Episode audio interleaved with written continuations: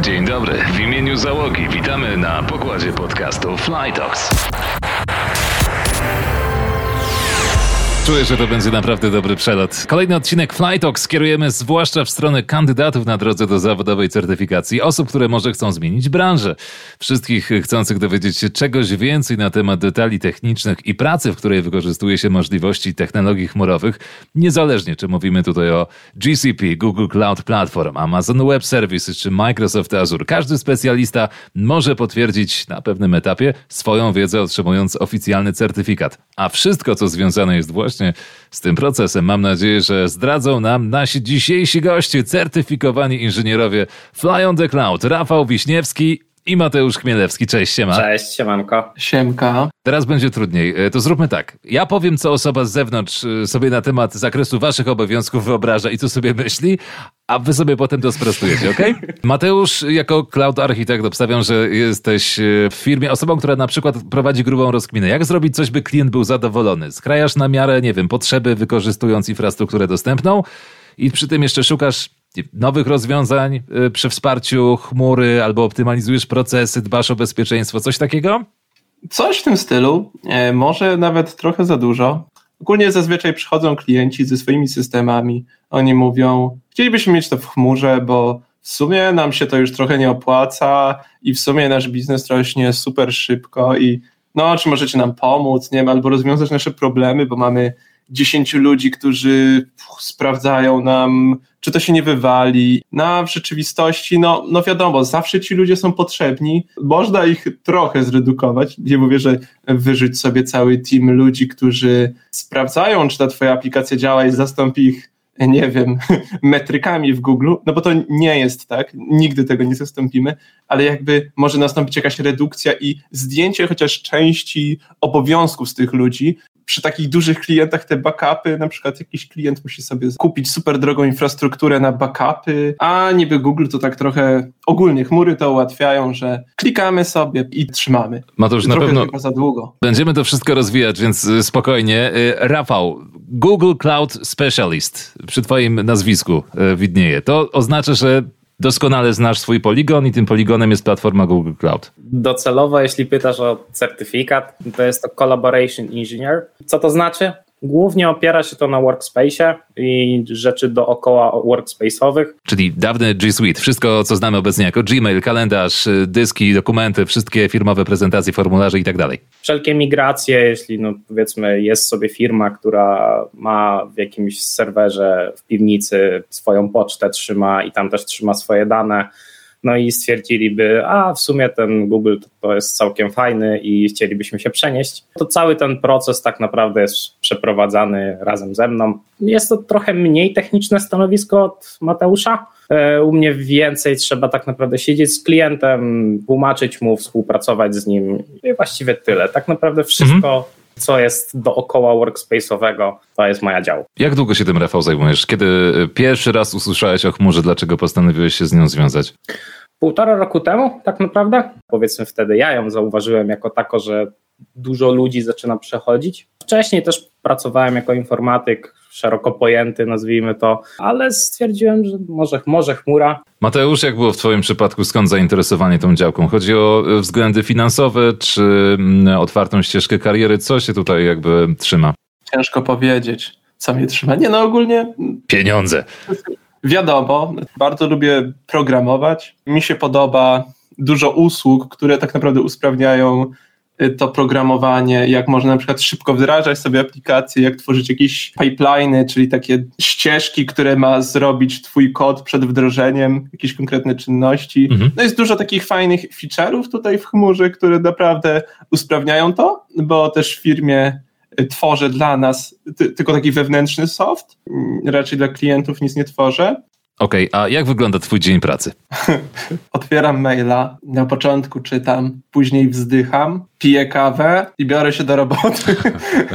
bez tego e, wzdechnięcie jest tak zwaną e, rzeczą, bez której dzień nie może się obyć. Też jako, że ostatnio wdrożyliśmy z NDSK to muszę też tam zaglądać, także też zaglądam. Wtedy też jeszcze wzdycham. E, no ale tak naprawdę my bazujemy na tym, że wspieramy tych naszych klientów w ramach jakby takiego supportu u nas w firmie. Hej, bo nam nie działa coś tam na GCP i czy możecie nam pomóc? No to my robimy research, odpowiadamy, no tutaj staramy się oczywiście jak najwięcej informacji zawrzeć w tym jednym mailu, umawiamy kola i staramy się to rozwiązać, no jak najszybciej, no oczywiście jak najskuteczniej. No i tak naprawdę ta codzienna praca, jeżeli nie ma jakichś takich projektów deweloperskich albo też dla klientów, no bo też wiadomo, prowadzimy jakieś wdrożenia, usprawnienia, ich architektur w, w chmurze opiera się właśnie głównie na takiej pomocy. Rafał, masz coś do dodania? To się w miarę pokrywa z twoją dniówką? E, mniej więcej, jak trzeba, że tak powiem, załatwić maszynę wirtualną troszeczkę mocniejszą, to się pisze wtedy do Mateusza. Współpracujecie. To jest obecny dzień. A jak to wyglądało kiedyś? To znaczy, cofnijcie się do y, swojej wersji siebie sprzed powiedzmy czasu, kiedy nie mieliście jeszcze certyfikatów i nie myśleliście jeszcze o usługach chmurowych. Czy macie jakieś rady dla wszystkich, którzy dopiero chcą wkroczyć na taką ścieżkę? Czy tutaj przyda się w tym momencie im mentor, starszy kumpel tak jak wy, inny certyfikowany inżynier? Czy po prostu można od strzała wkroczyć w środowisko Google Cloud, bazując tylko na tym, co udostępnione na przykład jest w sieci albo co można dostać w książkach? Pamiętacie jak to było? Rafał, jak to było w twoim przypadku? Na wszystko, na czym bazujemy, to jest już w necie. To, na czym bazujemy, to jest dokumentacja, którą Google publicznie udostępnia, więc nie, nie, nie mamy zasobów do jakichś super tajnych e, akt, które nie wiadomo gdzie są przechowywane. Tak, można wejść samemu. Powiedzmy, próg wejścia jest różny, zależnie od tego, czym będziemy się zajmować. No, workspace w workspace jest no, niebotycznie niższy niż jeżeli zaczniemy mówić o GCP Czyli Google Cloud Platform. Ale też mhm. klienci, na których trafimy, ich wtajemniczenie też jest dużo niższe. Ja bardzo często mam styczność z klientem, który totalnie jest osobą nietechniczną.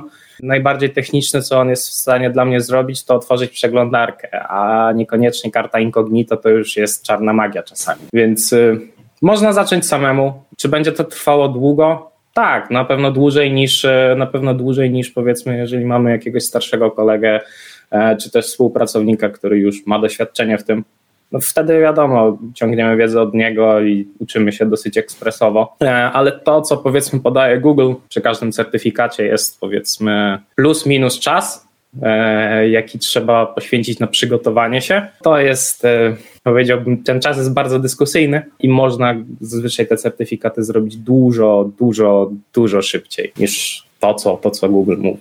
Mateusz, a ty masz jakieś protipy? Nie wiem, zdarzyło ci się uzyskać jakieś referale za polecenie kogoś do, do, do firmy tej czy innej i wciągnąć i po prostu kogoś nauczyć tego, czym zajmujesz się ty? W obecnej firmie nie. W poprzedniej e, udało mi się wciągnąć jedną osobę, ją nauczyć tego, co umiem. Napomknę tutaj do, tych, do tego uczenia się itp. I, I Rafał bardzo dobrze mówi, no to, co jest napisane tam w dokumentacji Google'a, że dla te profesjonale, czyli te jakieś tam, za, załóżmy, wyższe certyfikacje, że trzeba mieć 3 lata doświadczenia. No, myślę, możemy powiedzieć z Rafałem, że jesteśmy przykładem, że nie trzeba, trzeba mieć tylko dobre chęci, to, ale wiadomo, jakby obycie ogólne w IT jakby jakieś zainteresowanie tym no, no, też jest ważne. Ja mam też takie podejście, że nawet człowiek z ulicy może, to brzydko powiedziane, e, że, że może też być, może wejść w IT jak najbardziej, bo, bo to wszystko jest w jakiś tam sposób logiczne i, i ja jak najbardziej jestem zdania, że IT jest dla każdego i, i naprawdę nie ograniczam nikogo jest miejsce dla każdego. Okej, okay, a czy jest to miejsce dla kogoś, kto nie zna angielskiego? Jak biegle trzeba nim operować, żeby się odnaleźć? E, płynnie czytać po angielsku. Większość dokumentacji, myślę, że tak 80%, nie wiem, Mati, popraw mnie, jeśli się mylę. W Twoim przypadku to będzie pewnie więcej, ale 80-90% dokumentacji jest w języku angielskim, a jeśli jest przetłumaczona na polski, to jest często przetłumaczona dyskusyjnie. Jak najbardziej. E, dosłownie czytając polską stronę dokumentacji i angielską, to można dojść do różnych wniosków. Polecę, nawet jeśli jest, to polecałbym i tak czytać to, te angielskie wersje.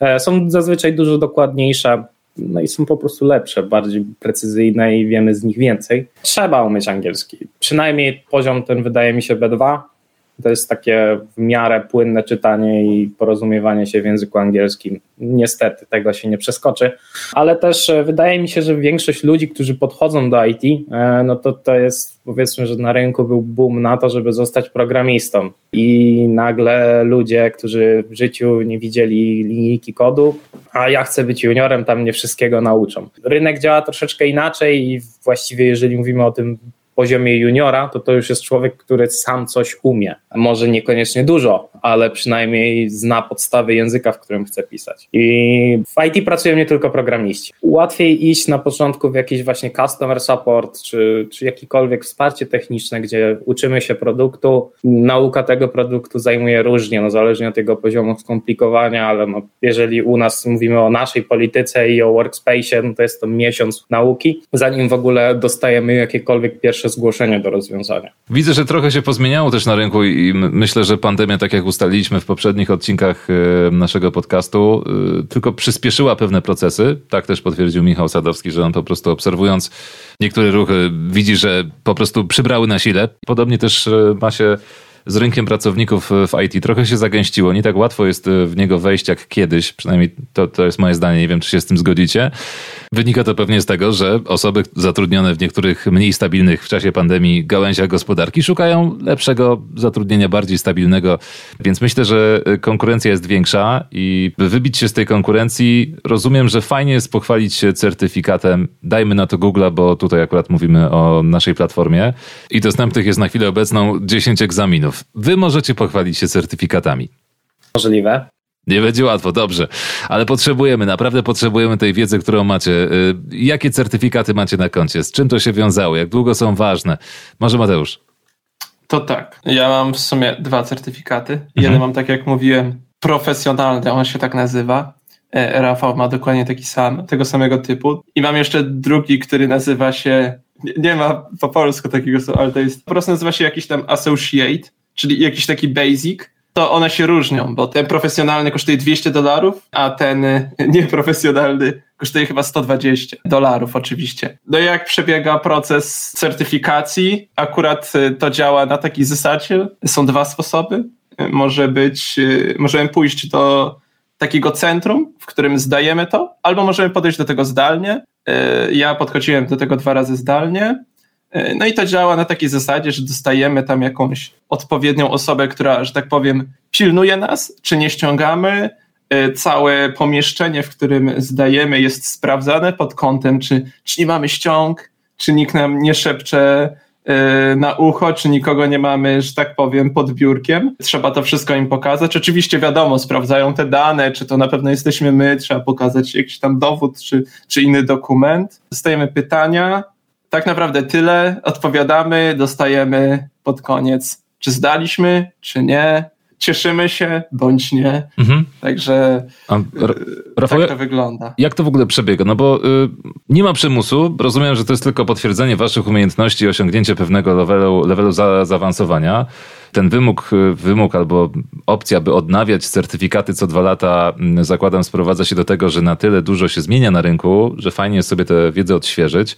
Tylko powiedz, y, skąd ta potrzeba? Czy to pracodawca sugeruje, ej, weź Rafał, zrób certyfikat, bo fajnie by było, już pracujesz tu tyle i potwierdźmy twoją wiedzę i żebyś po prostu mógł iść dalej i rozwijać się w jakimś kierunku? Czy to jest twoja wewnętrzna inicjatywa i twoje zaplecze? Mamy jakieś tam konkretne specjalizacje. E, do Google zgłasza się firma plus minus, nie wiem, 3-4 tysiące osób, to żeby przeprowadzić chmurową transformację tej firmy, no jeśli powiedzmy my mamy obecnie specjalizację Work Transformation, no to taki klient trafi do nas. Mhm. Wtedy są z nim prowadzone rozmowy. Warto wspomnieć też, że za każdy certyfikat są fajne bajery. Google daje perki za każdy certyfikat. E, można zgarnąć najdroższy sweter na świecie. O. Ale co, fajne, fajne no rzeczy no, naprawdę? Ten merch jest, no jest porządny, jest naprawdę fajny. Każdy różni się, jest tam powiedzmy do wyboru. Można wygrać jakiś kubek, kocyk, sweter, kurtkę, plecak. A certyfikaty raczej... drukujecie, oprawiacie sobie nad kominkiem? Nie. Ale bardzo fajnie e, robi robotę po dodaniu na LinkedIna. A, no właśnie, szukam też korzyści w ogóle certyfikowania. Mamy podnoszenie swoich kwalifikacji. Rozumiem, że tak, obstawiam. Zawsze tak jest, że ucząc się do jakiegoś egzaminu, dowiadujesz się jeszcze mnóstwa innych rzeczy, na które byś nie wpadł. I zwłaszcza mówię tutaj o osobach, które zdają po raz trzeci lub czwarty ten egzamin, nawet ten sam, że wiedzą często więcej niż osoba, która zdaje w pierwszym terminie. E, więc rozumiem, że jest to bardzo potrzebne. E, bardzo cenna jest wiadomość e, taka, o której mówiłeś, Rafał, że że tak naprawdę to dobrze mieć w swoich szeregach pracowników, którzy są certyfikowani, bo to przekłada się na bardziej poważne deale biznesowe, no i wyższą jakość świadczonych usług, to jest naturalne. Czy firma płaci za certyfikaty, czy musicie wyskoczyć z własnej kasy? E, nie i nie. To, jest w sumie właściwie odpowiedź. Mhm. E, bardzo często właściwie przeważnie e, raz bodajże albo dwa razy w roku Google daje do zrobienia e, Quick Laby. Po ich wykonaniu można dostać voucher na wybrany egzamin. Nie Co to jest Quick Lab? Quick Lab? Co to jest Quick Lab? To są jakieś ćwiczenia, które testują tak, tak. To jest taka platforma, na którą się wchodzi i dostaje się powiedzmy listę zadań do zrobienia i odpala się środowisko, które powiedzmy w ramach tego Quick Laba sobie działa. No i potem automatycznie jest sprawdzane, co zrobiliśmy, co zrobiliśmy dobrze, co zrobiliśmy źle. No i na tej podstawie, jeśli powiedzmy wszystko zrobimy dobrze i na przykład w jakimś określonym czasie, bo tak też się zdarza, to możemy dostać voucher na, na egzamin. Czy jest to fajny bajer? No fajny bajer, no 1000 zł zostaje w kieszeni, nie? Ale no jeśli nie, no to raczej firma niestety wykłada pieniądze. No i właściwie tyle. Każdy egzamin trwa dwie godziny. Mateusz, e, certyfikat jest ważny przez dwa lata. E, powiedziałeś, że da się go zdawać w różnych centrach, rozumiem, że fizycznie, ale jest też opcja zdawania tych e, egzaminów w formie zdalnej. Ja zdawałem tak naprawdę tylko zdalnie. Najbliższy data center z, od Wrocławia, co jest dziwne, jest chyba w Poznaniu. Kawał drogi, że tak powiem. I zdalnie, nie, no tak jak mówiłem, to przebiega bardzo, bardzo sprawnie, tylko jakby trzeba zadbać sobie o to pomieszczenie, żeby ono było takie, żeby nikt nam z szafy nie wyskoczył. E, ja miałem taką też nie miałem sytuację, po prostu byłem w biurze i ktoś mi otworzył drzwi i, i później miałem po prostu taki y, dłuższy okres sprawdzania mojego egzaminu, czy na pewno ta osoba, nie wiem, nie powiedziała mi, że w ósmym to będzie B. Oni to na pewno sprawdzają, bo mogę powiedzieć, że na dwóch y, inna osoba też miała taką samą sytuację i, i miała dokładnie taki sam jakby komunikat od Google'a, że hej, musimy to jeszcze raz sprawdzić, bo coś nam tam nie gra i, i po prostu poczekaj, nie, nie martw się. Także mhm. wiadomo, oni naprawdę zwracają na to uwagę. Ale jest przyjaźnie, rozumiem. Powiedzcie mi, czy to jest trudne? znaczy, ciężko, ciężko jednakowo odpowiedzieć. Jeżeli jest trudne, to znaczy, że nie poświęciłeś wystarczająco czasu na to. Zabrzmiałeś jak profesor, dzięki. Nie dostanę tak. zaliczenia. E, pytania, zależnie od, zależnie od powiedzmy od egzaminu, pytania są całkowicie inne. Większy wydaje mi się jest stres w związku z samym procesem niż faktyczna trudność danego egzaminu. Tak naprawdę Google daje rozpiskę, co musisz umieć i nie wychodzi poza tą rozpiskę. Co prawda, no, niby certyfikaty Google'owe, ale śmiałbym stwierdzić, że połowa pytań wychodzi poza temat samego Google'a. Rozumiem. Typu, no jeśli mhm. mamy pytanie, z, nie wiem, powiedzmy pseudo pytanie z Kolaba. Uwaga, podaję pytania w czwartym A. Pytanie o integrację jakiegoś systemu do wideokonferencji. I to wstaw losowy system losowego providera z usługą Workspace'a. Czy dotyczy Workspace'a? Tak. Czy wiesz jak to zintegrować, bo to jest inna usługa? Tak, bo wszystkie się konfiguruje bardzo podobnie. Jeśli znasz tak naprawdę zasadę, no to nieważne jaką tam nazwę wstawisz, będzie to wyglądało bardzo podobnie, wręcz można powiedzieć, że bliźniaczo, no chyba, że dana usługa nie ma takich możliwości, wtedy jest problem, wtedy trzeba kombinować. To pytanie utkwiło ci w pamięci. Ile trzeba mieć procent, by zdać? Jak to wygląda od tej kwestii technicznej? Czy zdarza się, że ktoś oblewa? Czy ile razy można e, podchodzić do tego egzaminu? Czy są zniżki za warunki? Po, po zdaniu certyfikatu dostaje się zniżkę chyba na następny, o ile dobrze pamiętam. Mati, tu mnie popraw, że tak powiem, jeśli cokolwiek palne. Ile razy można podchodzić? Liczone są tak naprawdę odstępy, w jakich można podejść ponownie. Po powiedzmy poddaniu się po raz pierwszy mamy tydzień lub dwa. Po, po kolejnej porażce musimy odczekać minimum chyba trzy miesiące, a każda kolejna to jest minimum rok czasu. Nie warto iść sobie na, czy pomijam kwestie pieniężne, ale nie warto iść sobie zobaczyć, a zobaczymy, może mi się uda No z takim podejściem raczej nie, bo pytania nie są proste. A ile trzeba mieć, żeby zaliczyć egzamin? Mhm. Bodajże 80%. Mm, Google tego nie podaje. To nie jest informacja, wow. która jest jakkolwiek publicznie podana. Te 80% to jest tak zwana wymyślona liczba. A, e, Google nigdy tego nie podał. Ale to e, ciekawe. Co do to... tych zniż... Mhm. Jeszcze tylko chcę sprostować. Przepraszam. E... nie, jakby Google nie daje zniżek na kolejne egzaminy, ale powiem wam ostatnio fajna, bardzo miła sytuacja. Dostałem od Google voucher na architekta, ale co trochę y, mi się nie spodobało, tylko na dwa tygodnie. W sensie, że y, mogę go wykorzystać w przeciągu dwóch tygodni, a powiem wam tak, w przeciągu najbliższych dwóch tygodni to ja nawet nie wiem. Słuchaj, to, to chcieli cię zmotywować. Chcieli cię zmotywować, żebyś miał bardzo płodne dwa tygodnie. Nie skusiłeś się, widzę. Słuchajcie, już tak kończąc, Google Cloud Platform to jest y, ciekawe poletko działalności. Tak pokrótce i kończąc, co pociąga was w tym najbardziej? To znaczy, gdzie widzicie najwięcej magii i, i które jakby zastosowania e, GCP są dla was takie najbardziej e, magiczne, niesamowite, przyszłościowe?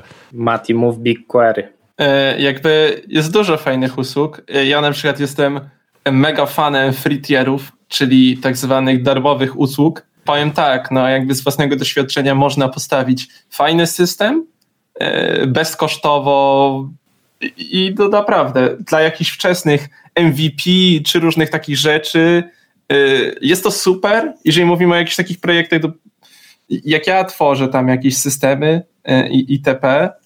poza na przykład pracą, to jakby to, to jest bardzo fajne. Przedstawiasz klientowi, patrz, to tak będzie działać i tutaj w sumie nie będziesz płacił. Ale, ale, takie realne zastosowanie, wiesz, tak, tak bardziej namacalne, no bo co, co kryje się dla ciebie pod słowem system? No ja tworzę tak naprawdę aplikacje jakieś dla klientów, no nie mogę nigdy powiedzieć, co dokładnie tam tworzę. Mogę powiedzieć, to są takie no, jakieś systemy, które rozwiązują ich jakieś tam małe problemy.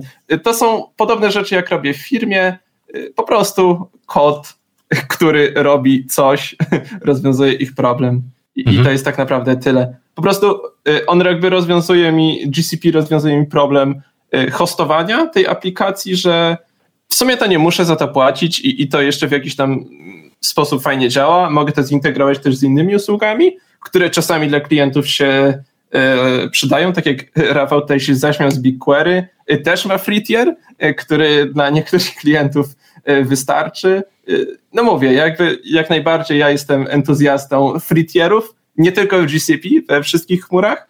Naprawdę można robić super rzeczy, stawiać y, aplikacje gry. Naprawdę mamy taki, taką, y, taki przykład. Nasz CTO postawił grę całkowicie na, na funkcjach, które są w sumie za darmo. Oczywiście tam jest jakiś tam y, próg tego, do kiedy to jest za darmo, no ale jakby dla jego potrzeby i tam dla, w ramach testu E, fajnie to bardzo działało. Rafał, chcesz coś dodać? Jeżeli chodzi o GCP, mhm. ja chyba jestem największym fanem Cloud Shella, jeżeli mówimy o usługach. Docelowo nie mam zbyt takiej, nazwijmy to, ciągłej i dużej styczności. Nie, nie, nie korzystam z wszystkich usług GCP, bo to nie jest coś, czym się na co dzień zajmuję.